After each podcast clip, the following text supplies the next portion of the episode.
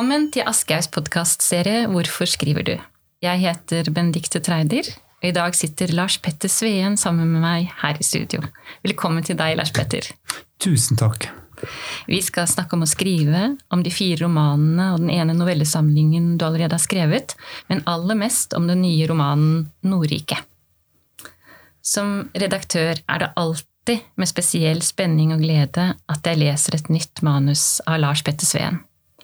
Tekstene hans overrasker meg alltid, de er i sannhet originale og forskjellige fra hverandre, samtidig er det noe umiskjennelig sveensk i alt han skriver. Det finnes en egenartet tone, en egen toneart, som er gjenkjennelig fra bok til bok. Alle bøkene hans åpner opp en større verden. Det er store fortellinger som får meg til å vende blikket bort fra meg selv og mitt liv, som berører og opprører meg ved å få meg til å stille spørsmål med måten jeg er menneske på. Blant annet. Lars Petter Sveen debuterte med novellesamlingen Kjøyre fra Fræna i 2008, som han fikk Tarjei Vesaas debutantpris for. Slo igjennom med Guds barn i 2014. Boka fikk mange priser og ble hyllet av et samlet kritikerkorps. De to seneste romanene er kritikerroste fem stjerner og fem skuggar. Jeg vet jeg hoppet over en roman, Lars Petter, men den snakker vi om senere. Ok, Lars Petter. Jeg må bare få sagt at ditt forfatterskap har betydd så mye for meg. Ikke fordi jeg lenge har vært redaktøren din. Det betyr mye for meg som leser. Modig, annerledes, går imot de ledende litterære konvensjonene. Det går sine helt egne veier, og det respekterer og beundrer jeg. Så hvorfor skriver du, Lars Petter? Det er et veldig fint spørsmål. da. Det er veldig artig å bli stilt det spørsmålet. Og jeg tror at jeg kan ha ulike svar eh, hver gang jeg blir stilt det. Eh, men jeg tror eh, For meg så handler det å skrive om å utforske.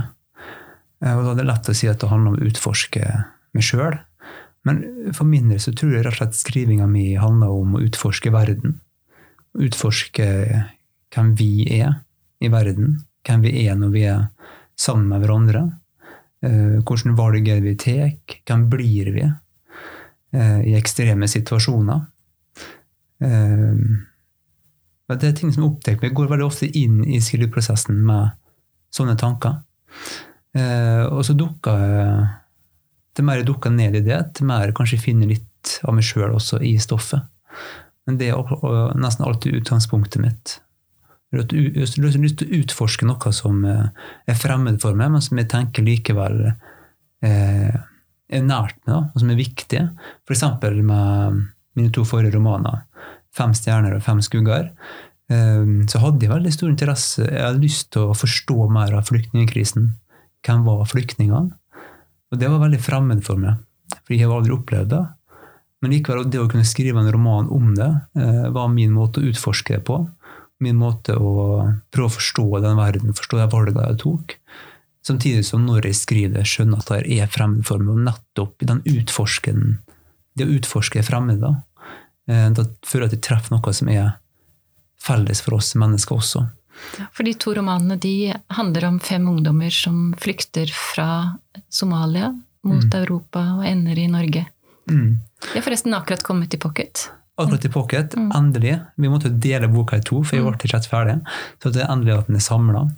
Men også den nye boka med Nordrike, som kommer nå i høst, så har jeg også starta med en fascinasjon for noe fremmed som jeg senere gjorde i romanform til norsk. da. Ja. Eh, og jeg måtte skape en egen verden for å kunne nærme meg noe som jeg ville prøve å forstå. Ja, nettopp. Um, hvor er det du henter da ideene til? Altså du, det er jo ganske vanlig i uh, samtidslitteraturen at man uh, finner inspirasjon fra eget liv, uh, mm. eller fam familien, nær familie. Men det er ikke den måten du skriver på? Nei, min inspirasjon kommer først og fremst fra eh, det globale nyhetsbildet. Da. Eh, konflikter i verden i dag. Eh, store, store, konflikter, store hendelser som vi blir veldig som jeg tror vi, vi alle sammen blir fascinert av. Vi vil gjerne vite hva som skjedde der. Hva er bakgrunnen for noe? altså, til mer utforska tenker jeg vil dette fungere i romanform? Uh, hvilken historie er det som ligger bak? Hvilke store linjer, hvilke valg har mennesker måtte ha tatt? Og så tenker jeg at eh, det er jo nettopp i romanen, nettopp i boka, det er mulig å gå inn og dikte videre på det. Gå inn i en sånn verden og dikte videre på det. Og da kommer det mot um, mine private ting. Mine følelser, min frykt, min redsel, mine håp for, for meg sjøl og verden. Da. Legger på en måte inn i de karakterene, inn i det universet som er utgangspunktet noe som er langt fra, langt fremmed fra meg. Da. Hvis vi går tilbake igjen til uh, debuten din, hvis du ser, mm. for det er Jeg tror du har sagt noe en gang om at, uh, at hvert hver bok du har laget, er et slags lukket univers som er liksom fremmedartet, som du undersøker. Du har sagt det på en mm. annen måte. Kanskje du klarer å gjengi det?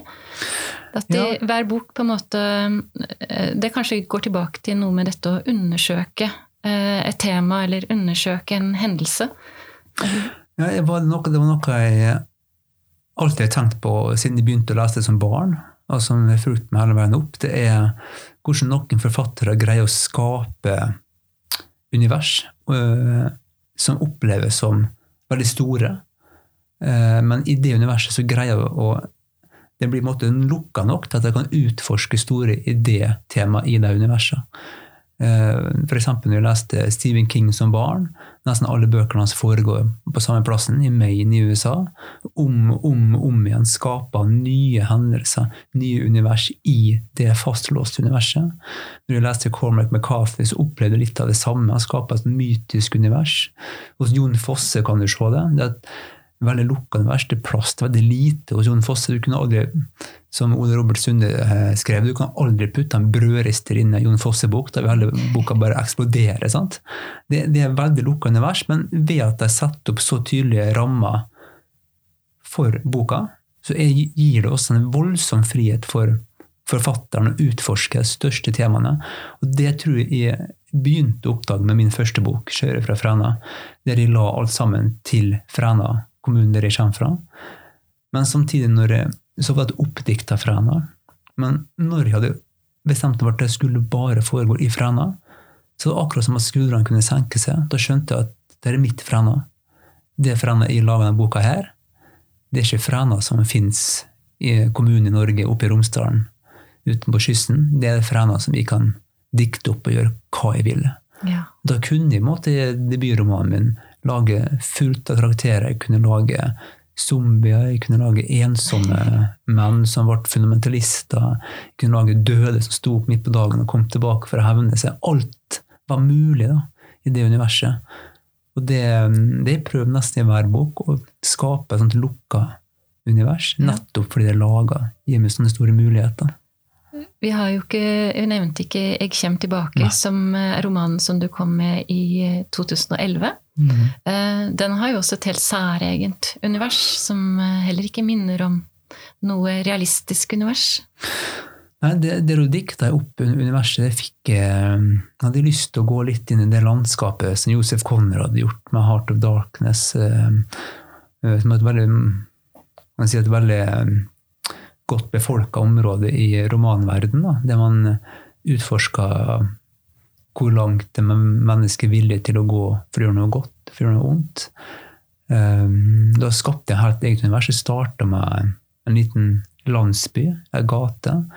Som også utvikla til å bli en skog. Og til jeg føler, skog. får alltid stemningen av en sånn western igjen. Ja, det blir en sånn veldig westernstemning av det. Jeg husker veldig godt vi skulle lage omslag til boka. så vi var helt i blinde på hvordan omslaget skulle være. Da fikk vi Jason, tegneserietegner Jason til å lage et veldig artig omslag som han traff veldig bra med. Men det var, var nesten for Jason, så vi, vi, vi droppa det til slutt. Men uh, den, den, boka er Jeg er veldig glad i den boka. Jeg har fått lesere som har lest bøkene mine seinere, som har kommet tilbake og sagt at det var en av bøkene som gjorde sterkest inntrykk på det jeg har skrevet. Og når jeg satt på nå, nå i nå i siste og ser at den boka slakter Det er linjer fra den boka til årets bok, for min ja. del. Med at et helt nytt univers blir skapt. Uh, ved en slags unntakstilstand, en slags statsløs tilstand, der, uh, der mennesker blir kasta ut til ja, noe ukjent. da, Noe der de, der de må kjempe for det de har tatt for gitt veldig, veldig, veldig lenge. Ja. Ja, Kanskje vi kommer tilbake til det, akkurat den likheten mellom årets roman og Jeg kommer tilbake. La oss se. Mm. Men la oss også gå videre til Guds barn. Mm. For den har jo også et veldig særegent miljø. Mm. Og, eh, så hvor, hvor spinner handlingen i Guds barn seg ut? Guds barn gikk 2000 år tilbake i tid og satte til Israel-Palestina på rundt Jesu tid.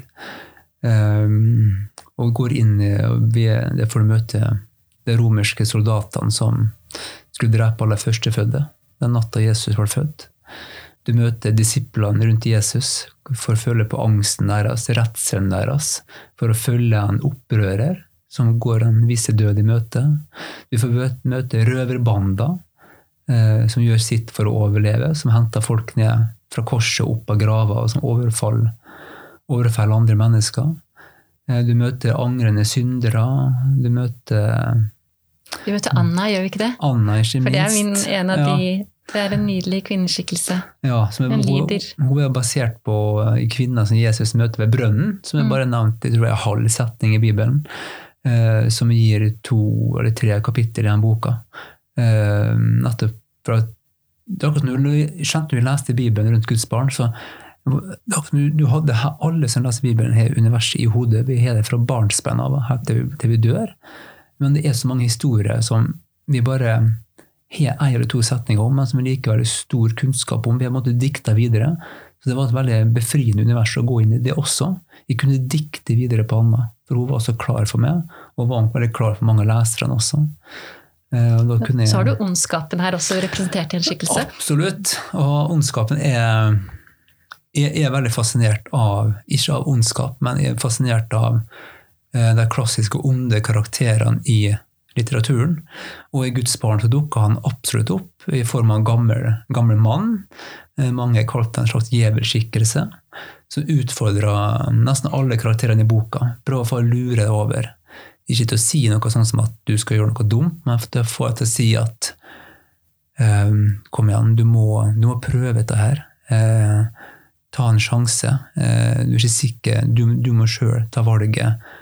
At han prøver alltid å presse deg mot noe uh, som egentlig En slags fortapelse hvis Ja, de går den veien. En slags fortapelse. Mm. Men han argumenterer så bra, og det er jo litt sånn typisk for menneskeheten. For, for oss menneskene, da. Det er veldig lett for oss etter det å si at noe var ondt, noe var godt. godt. Det er lett for oss å si at Hitler var ond, det er lett for oss å si at tyskerne under andre verdenskrig var onde. sant? Men det vi ofte, ofte glemmer, er at tyskerne var jo mennesker akkurat som oss. De støtta på Hitler, store flertallet, de gjorde grusomheter. Og det vil nok vi mennesker fortsette. Vi vil fortsette å gjøre grusomheter. Eh, Men det er jo ingen som har gjort en grusom handling som sier rett ut 'I er ond'. Det jeg gjorde, var fælt. De vil alltid forsvare det. Mm. Og dermed har vi alltid to sider ved en sak. da. Ja. Og det gjør det veldig vanskelig. Det, og det er noe en har lyst til å utforske i Guds barn. Hva i alle dager er det som får oss til å bli, til å gjøre sånne ting?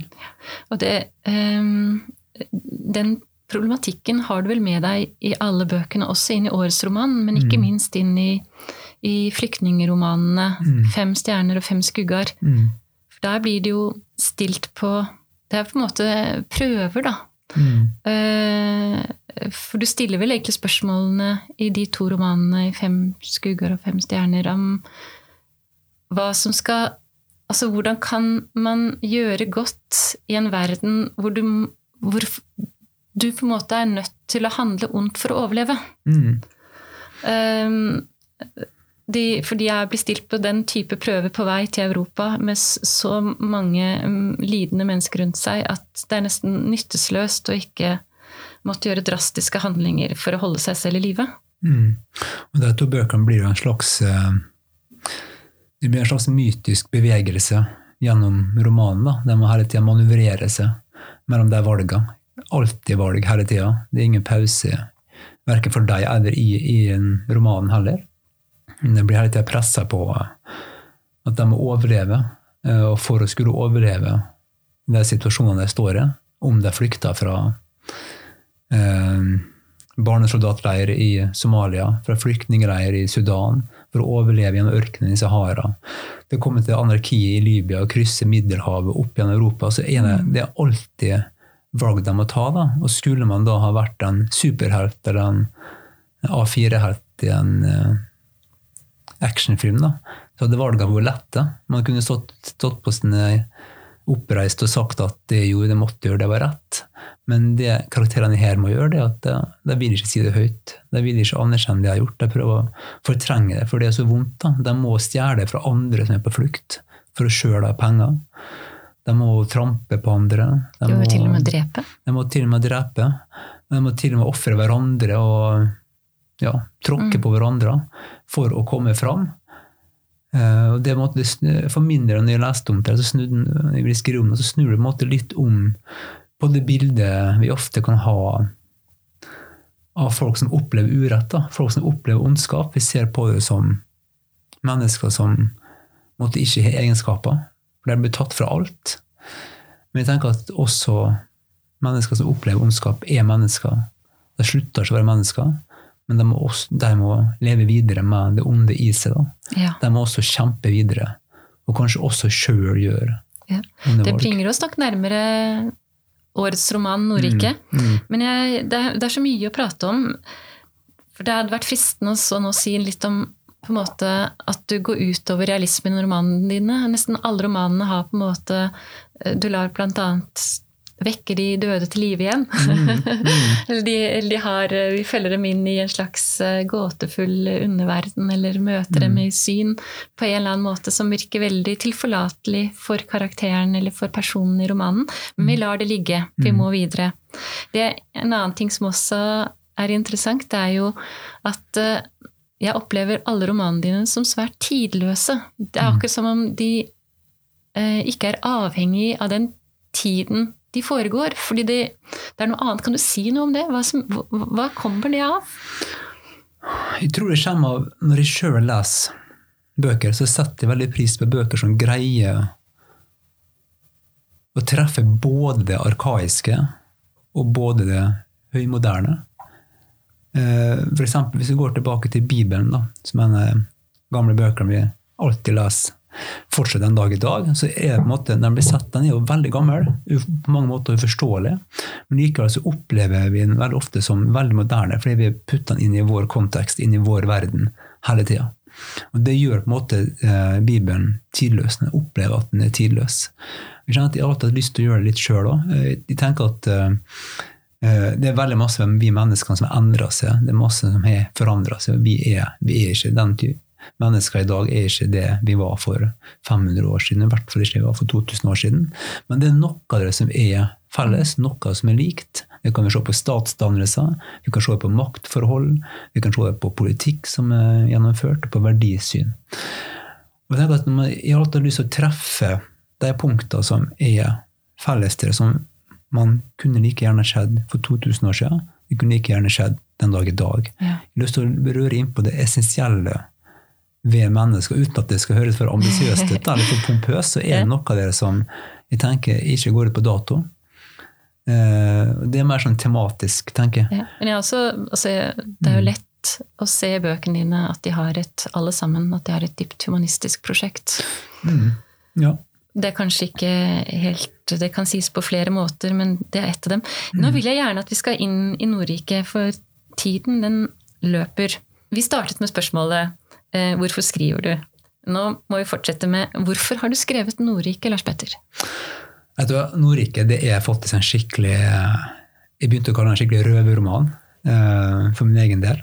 Eh, grunnen til at jeg begynte å skrive, det var rett og slett Jeg husker veldig godt Afghanistan-krigen i 2003. Det gjorde veldig inntrykk på meg, og jeg ble veldig interessert og fascinert av Afghanistan. Jeg begynte å lese veldig mye om den på den tida. Og pussig nok ble jeg fascinert av Taliban. Og det har jeg lest veldig masse om siden. Har lest masse om det. Og så hang jeg meg opp en bisetning som den norske Afghanistan-journalisten og eksperten Anders Hammer skrev når han ga ut en av sine mange bøker om Afghanistan, der han skriver at å, lese om Taliban og sette seg inn i det, det er litt som å gå tilbake til de gamle islandske ettersagaene. Mm. Uh, og når jeg sjøl leste Taliban, så tenkte jeg at det her er jo det er nesten Shakespeare. altså. Uh, maktkampene, det ja, arkaiske igjen, da, Uh, og det voldsomme med det, og koblinga på det hypermoderne. I alle dager, dette her, kan dette her bli en roman? Kan de skrive en roman om det her? Svaret på det var jo absolutt nei. Det går, Jeg kan ikke skrive en roman om Taliban, tenkte jeg. Eh, og så begynte jeg likevel da, å prøve litt. Jeg skrev mange utkast gang på gang. på gang. Etter hvert så endra seg. Jeg skjønte jeg måtte lage meg et eget univers. Så jeg lagde et helt nytt univers som jeg kalte Nordriket. Eh, der jeg henta mange av historiene fra Taliban sin egen historie. Plasserte det inn i Nordriket. Nordriket er da en eh, egen stat, en vasallstat, skal man kanskje si. Um, der det lever et folk som er kristent, um, som blir okkupert. Eller det blir Det er en ganske lite, er, liten stat, er det ikke det En ganske liten stat. Mm. Um, Og den er den, omgitt. om, den er omgitt av den store staten Føderasjonen. Mm. Og Føderasjonen i starten av boka går til angrep på Nordriket og okkuperer det, som et svar på terrorhandlinger utført i Føderasjonen av noen fundamentalister som holder til i Nordrike. Noen kristne Det blir kalt for kristne fundamentalister, eh, som da Nord, eh, Føderasjonen vil slå ned på. Mm. Det er det romanen starter. da. Ja, det starter samme dagen som krigen Mm. starter, egentlig. Mm. Um, og vi følger den ca. et år inn i krigen, kanskje Mm. litt lenger. Um, det, dette Nordriket har jo minner jo litt om Norge. De er, uh, men den er også veldig forskjellig fra Norge. Og det minner litt om vår tid, eller kanskje en tid kanskje 30-40 år tilbake, men ikke helt. Mm. Hva har du tenkt når du skapte universet her? Nei, når jeg skapte universet, så tenkte jeg tenkte da på, jeg tenkte på øh, andre forfattere jeg ser opp til, som Jon Foss og Cormac McCarthy, ja, som egentlig også har univers som man tenker du vet nøyaktig hvilken tid det er, men så er det ting som skurrer. Det er ting som ikke helt, helt stemmer. Og i, I den skurringa så blir det noe tidløst. Så den, I Nordriket, i boka mi, så er det jo en moderne tid. Det er masse moderniteter. Eh, Du har kjøretøy som går på drivstoff, du har moderne våpen, du har mennesker som snakker og tenker som oss. Og så er det også noe gammelt der. da. Det er um, strøm som blir borte. Eh, Det er ingen telefoni der. eh, og Man går i um, De har ikke kommet til dataalderen, tror jeg. ingen dataalder, og man går i fjellet og man, man går i mørket. Og det er noe måten jeg snakker om religion på, og, og også flere ganger et slags sånn eh, gammel, gammeltestamentlige hevntanker som Mm. slår inn av og til i boka. Eh, så det er en måte en blanding der med tid. da. Og så får du også en, en slags eh, sivilisasjonskollisjon i boka, eh, for det er jo mange ulike karakterer. Eh, Noen av som Ingebjørg og som Harald eh, er på en måte innfødte i Nordriket og forsvarer sin religion, forsvarer sin frihet. Og så får du andre karakterer som Henok og eh, Ada, som er soldater og offiserer i hæren til føderasjonen, som da kommer inn i, eh, i Nordriket, og som er et helt annet syn på det landet de skal okkupere. De ser på det som fremmed og nesten skremmende. Ja, vi følger jo eh, fire karakterer, det er de fire. Mm, mm. To fra Nordrike, og de er søsken. Mm. Og to fra, eh, fra Føderasjonen, hvor Ada er bare vanlig menig soldat. Mm. Eller hun er kanskje hun har en liten offiserstilling, men, eh, men Henok eh, får stort ansvar Mm.